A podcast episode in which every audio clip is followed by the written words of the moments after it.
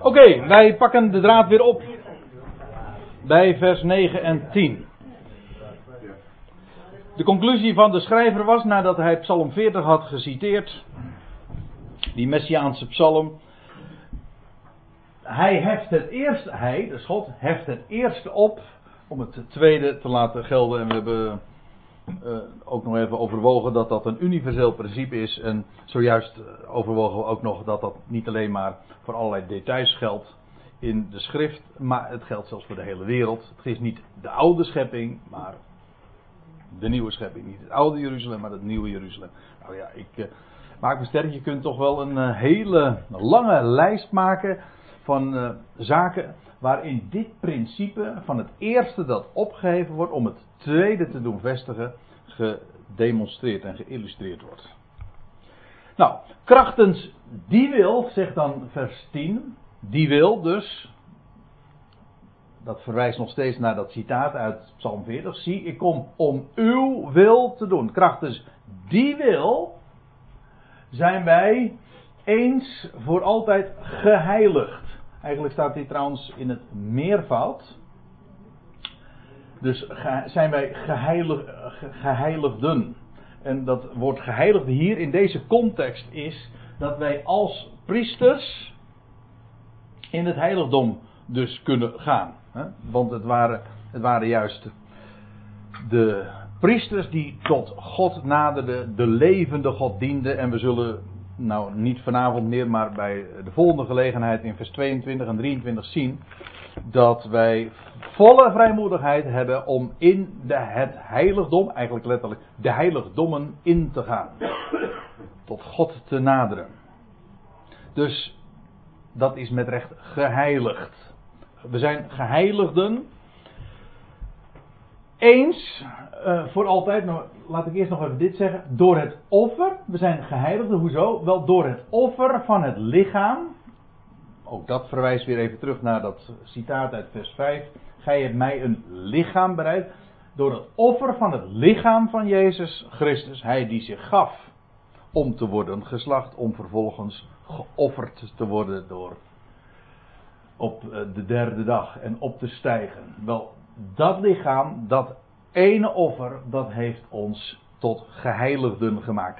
De zonde is eens voor altijd voorbij. Daar hebben we geen besef meer van, geen idee. Er is een punt achter gezet. En vervolgens, wat volgt, is nieuw leven. We zijn geheiligd. En dan inderdaad eens voor altijd. Wat merkwaardig eigenlijk, dit eens voor altijd, wat hier midden in zin staat, staat in het Grieks helemaal achteraan. De zin. Vandaar ook dat ik het hier eventjes doe. Eens voor altijd. U zult zien dat dit trouwens een aantal keren eerder al in de Hebreeënbrief genoemd was. Het, wat het natuurlijk duidelijk maakt is dat het offer definitief is. Volmaakt en daarom eenmalig. Eens voor altijd. We zagen in hoofdstuk 7 vers 27. Daar wordt gesproken. Ik val midden in de zin bij dit citaat. Want dit laatste heeft hij eens voor altijd. Exact hetzelfde Griekse woord eens voor altijd gedaan toen hij zichzelf ten offer bracht. Hoofdstuk 9, vers 12. Met zijn eigen bloed eens voor altijd binnengegaan in het heiligdom, waardoor hij een eeuwige, een ionische verlossing of vrijkoping verwierf. Gaat even om dit woord eens voor altijd. Definitief. Nou, laten we verder gaan, want ik ik zou het eigenlijk wel plezierig vinden als we bij vers 18 uitkomen. Wat nog een hele toer is natuurlijk. Maar goed. Uh, voorts staat elke priester dagelijks in zijn dienst. Want zo moet je het, de klemtoon leggen, het, het accent. Voorts staat elke priester dagelijks in zijn dienst, dat is duidelijk. Want bij alles wat er voorgeschreven was in de tabernakel. En alle attributen, het was allemaal nauwkeurig en tot in detail beschreven, maar een stoel ontbrak heel veelzeggend. De priester deed staande zijn werk. Dagelijks. Om dagelijks in zijn dienst om telkens dezelfde offers, waarmee weer aangegeven wordt, het is niet alleen maar bij voortduring, het is dagelijks en dezelfde offers. hij stond, het demonstreert allemaal dat het nooit klaar was. Het was nooit voleind, het, was, hield niet op. Om telkens dezelfde offers te brengen die nimmer de zonde kunnen wegnemen. Ik zei u al, dit, eh, er worden twee woorden voor wegnemen gebruikt. En hier is het uh, rond, uh, de betekenis van dit woord is, als je het, in het Grieks wat de loop daarop legt, dat betekent eigenlijk rondom wegnemen. Als een gewaad, het wordt weggenomen, het is voorbij. Nieuw, om even in de beeldspraak te blijven, je krijgt een nieuw gewaad waarbij dit, de zonden, voorbij zijn. Ziet u hoe we nou al vanavond diverse keren zo duidelijk hebben gezien in bewoordingen die gewoon extreem zijn. Hè? Maar waarin beschreven wordt dat de zonden inderdaad tot het verleden behoren. En zij die geheiligd worden, zijn inderdaad door dat offer eens voor altijd uh, gereinigd van de zonde. Hoe was het? Hebben geen besef meer, geen medeweten meer van zonde. Het is voorbij, dat ligt achter. En hier staat ook, die zonden zijn weggenomen. Alsjeblieft. Alsjeblieft. Als je het belieft, hè? als je het gelooft. Voor wie het wil geloven. De waarheid staat er, maar wie gelooft het? Bijna niemand. Dat offer is eens voor altijd. En het is zo opvallend als je daarbij over nadenkt. Hoe, hoe dat offer voortdurend daar, door degene die geacht worden het te verkondigen, gekleineerd wordt. Ik bedoel, we hadden het in hoofdstuk 9, vers 28 over dat.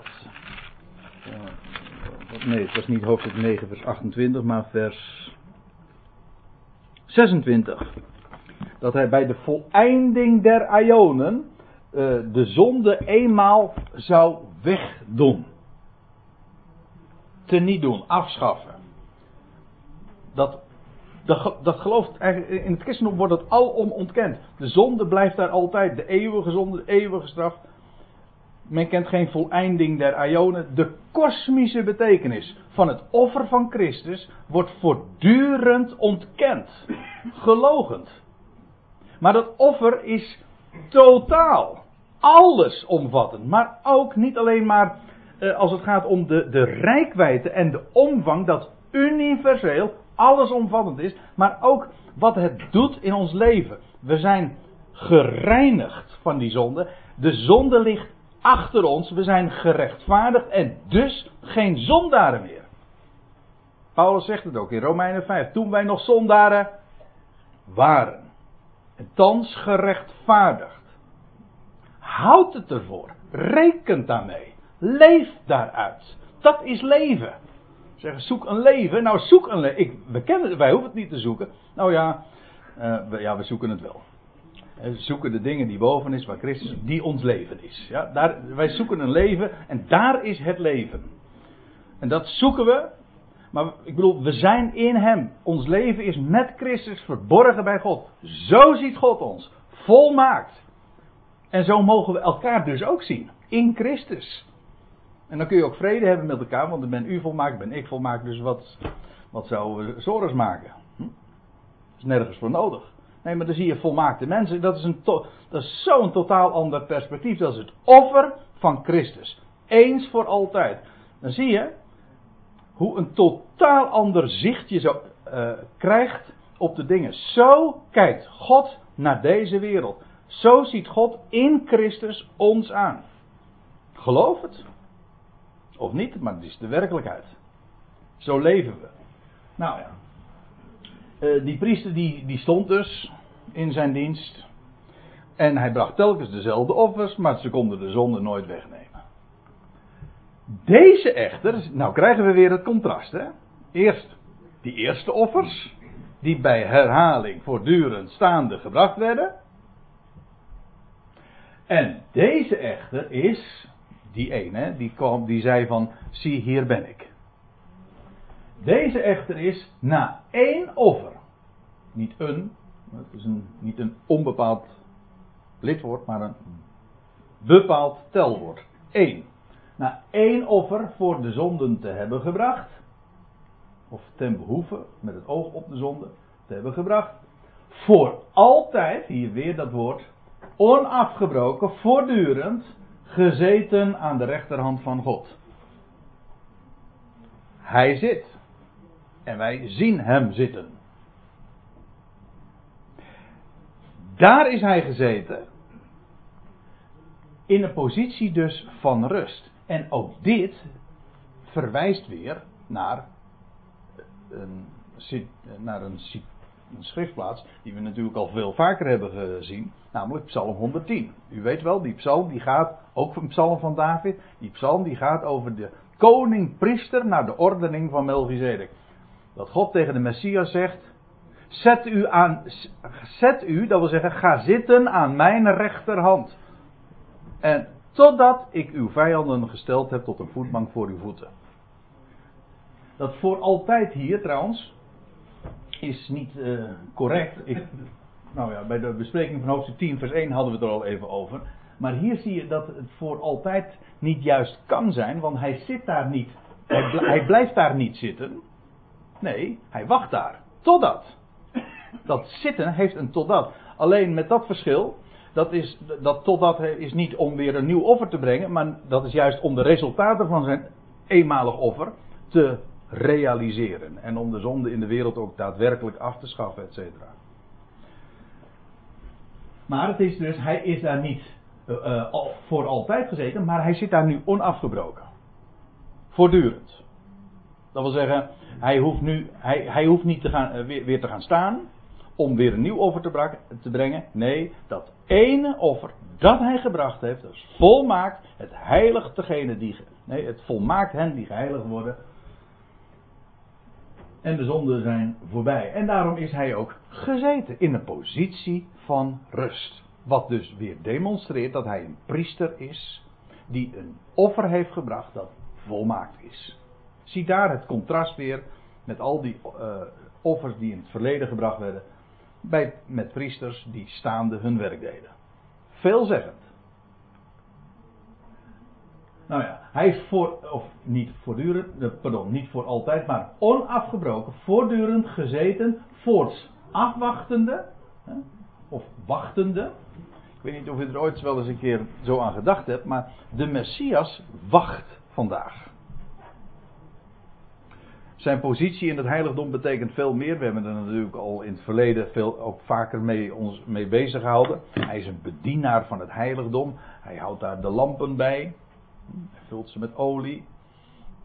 De, de tafel van de toonbroden, uh, die verzorgt hij. Maar hij wacht Hoezo? Wel, dat, ook dat is gebaseerd op Psalm 110. Zet u aan mijn rechterhand, ga zitten. Dus een verhoging, uiteraard, want eh, als je rechts van iemand mag zitten, dan is dat sowieso een positie van eer die je wordt toegekend. Maar bovendien van rust, ga zitten. En totdat ik uw vijand, ja, voortwachtende, waarom? Wel, er staat in Psalm 110 dan, totdat ik uw vijanden gesteld heb tot een voetbank voor uw voeten. Maar hij wacht nu. Hij, hij treedt niet op in deze wereld. Ten opzichte van zijn vijanden doet hij nu niks. In deze wereld, die vijandig staat, treedt hij niet op. Hij verbergt zich. Hij grijpt niet in. Weet het, ook dat is natuurlijk een gedachte die wij uh, die alom verteld wordt dat christenen de roeping hebben om in deze tijd, maar niet, uh, maar niet gewoon te wachten. Hè, nee, een vijandige wereld die moet gewonnen worden voor Christus en die moet onderworpen worden en ons politieke programma moet aan hen worden opgelegd. Nee, nee, de Messias, hij is daar, hij grijpt niet in, hij wacht. En wij wachten met hem. Totdat God, het, God zelf het is die de vijanden, ongeacht wie dat zijn, zal stellen tot de voetbank voor zijn voeten. Dat is trouwens ook nog een heel proces. Want totdat de laatste vijand wordt onderworpen, wel, dan zijn we inmiddels bij de voleinding van de Ionen. Maar goed, als u dat in Psalm 110 ook naleest, dan zul je zien dat uh, met name eigenlijk het vervolg van dat, die psalm, na vers 1 dus, gesproken wordt over dat hij zal gaan heersen in Zion. als hij zal komen vanuit het heiligdom. Hij is nu gezeten dus in het hemels heiligdom. Gezeten. Gods rechterhand. De hoogste positie. Dan komt hij. TZT. Verschijnt hij uit het heiligdom ten behoeve van zijn volk. Zal vervolgens de, de dynastie van David, de, de troon van David in Zion herstellen. En vanuit Zion zijn koninkrijk uitbouwen over de hele wereld. En dan zullen zijn vijanden gemaakt worden tot een voetbank voor zijn voeten. Hij zal heersen te midden van de vijanden. En zijn koninkrijk daadwerkelijk zo gaan vestigen. Maar doet, wat doet hij daar nu aan? Niets. Hij wacht. Totdat. Vandaar dus dat woordje. Uh, totdat demonstreert ook dat dit woordje, die vertaling van voor altijd niet klopt. Het moet zijn onafgebroken. Voortdurend. Dat klopt wel.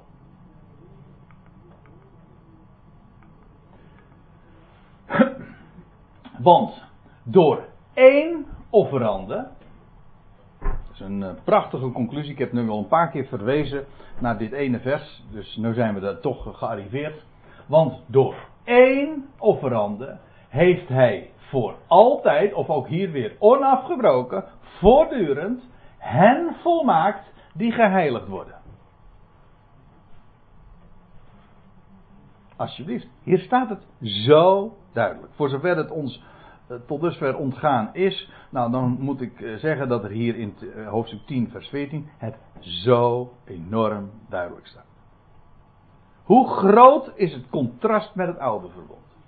Hier wordt het nieuwe verbond geschilderd, de priester van het nieuwe verbond en dat offer van het nieuwe verbond dat eenmalig is en het heeft ons volmaakt.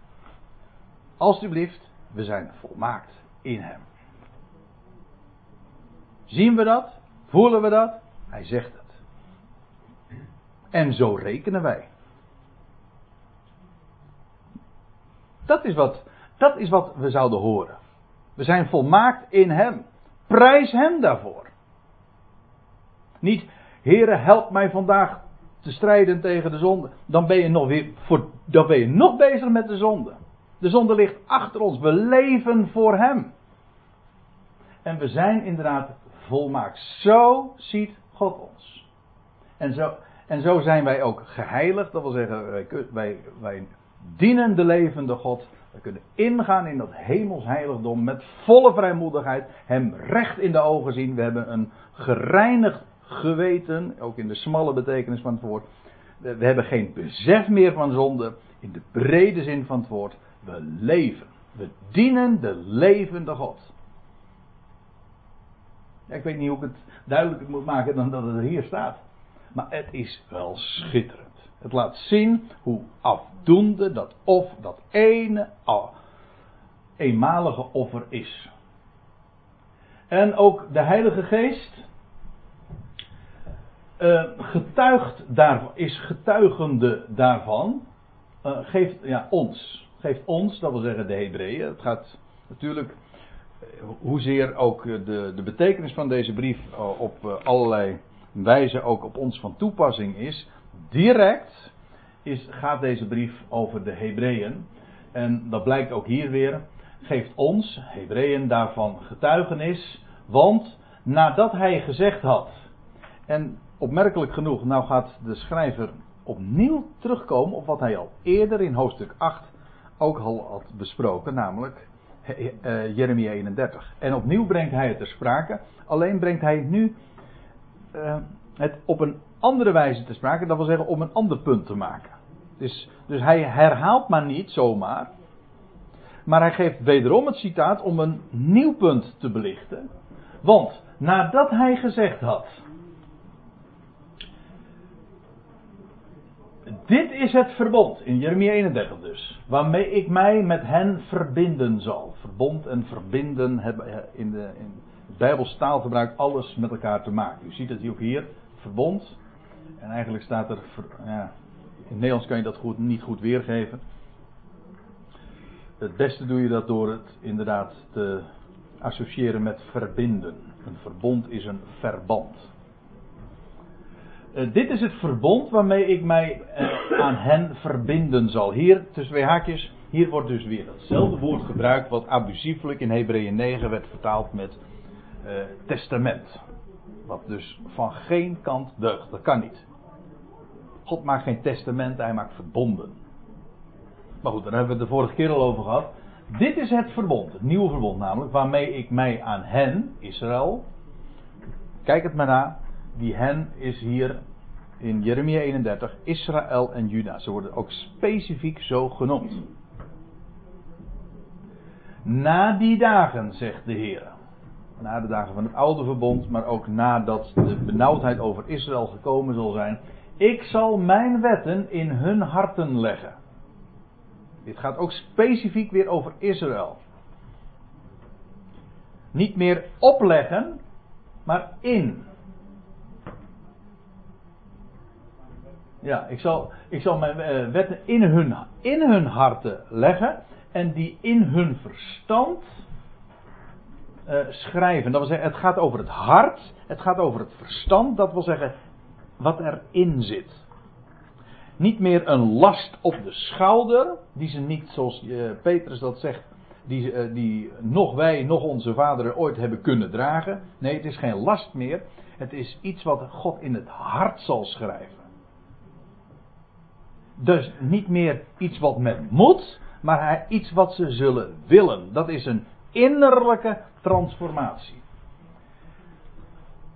Dat ze, het zal in hun hart gelegd worden, omdat het ook in hun verstand geschreven is. Dat wil zeggen, ze zullen het begrijpen.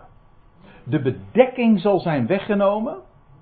En ze zullen gaan inzien waar heel die tenag over gaat. De bedekking zal worden weggenomen. En dan zullen ze met recht dus ontdekken wat daar allemaal in besloten lag en wat daar in staat geschreven.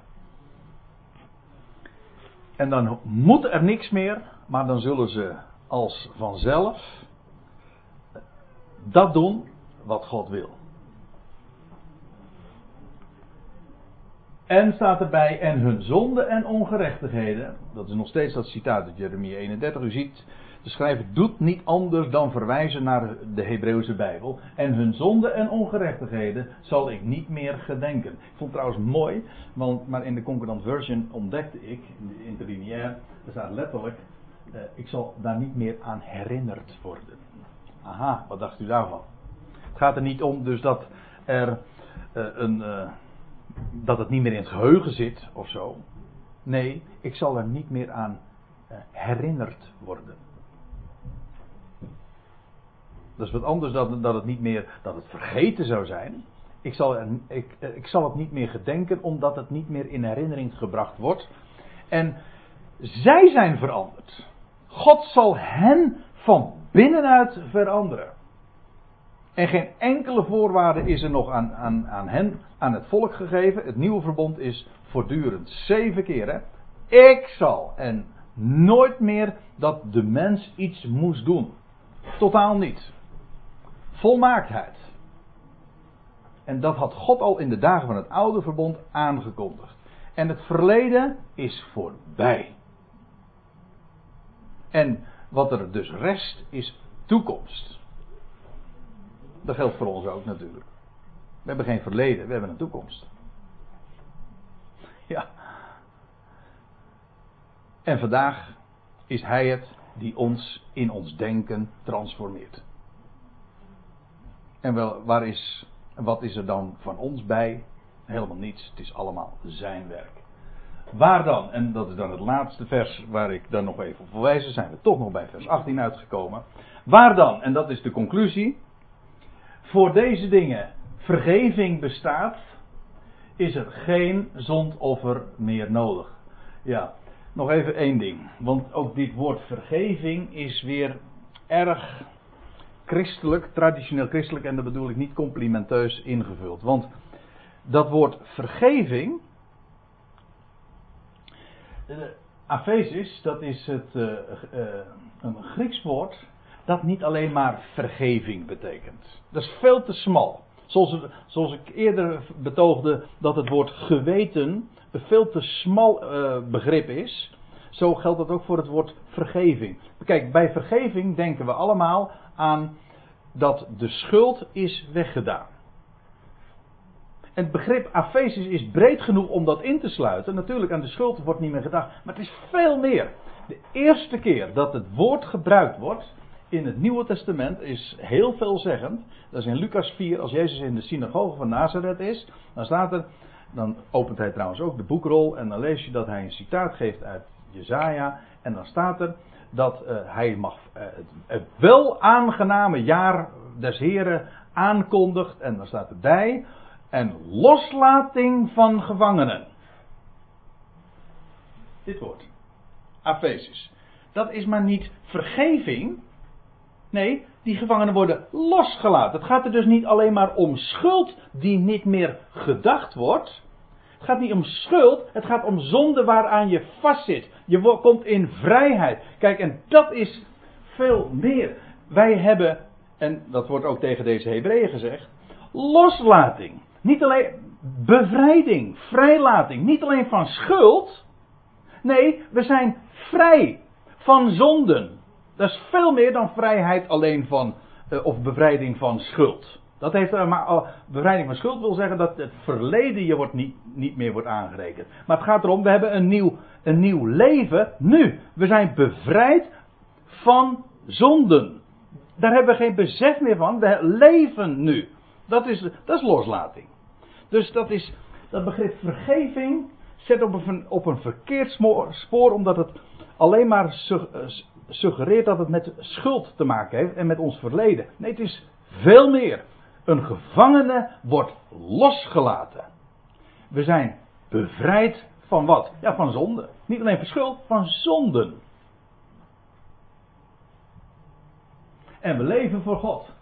En zo, en vandaar is er geen, omdat dat offer eens voor altijd gebracht is, volmaakt is, we zijn geheiligd, wel, is er dus ook geen zondoffer meer nodig. Zo simpel kunnen dingen zijn. En wat de consequentie daarvan is, wel, dat wordt in vers 19 dan uiteengezet. Maar daar gaan we het de volgende keer over hebben. En ik stel voor dat we het hier dus maar even bij laten voor vanavond.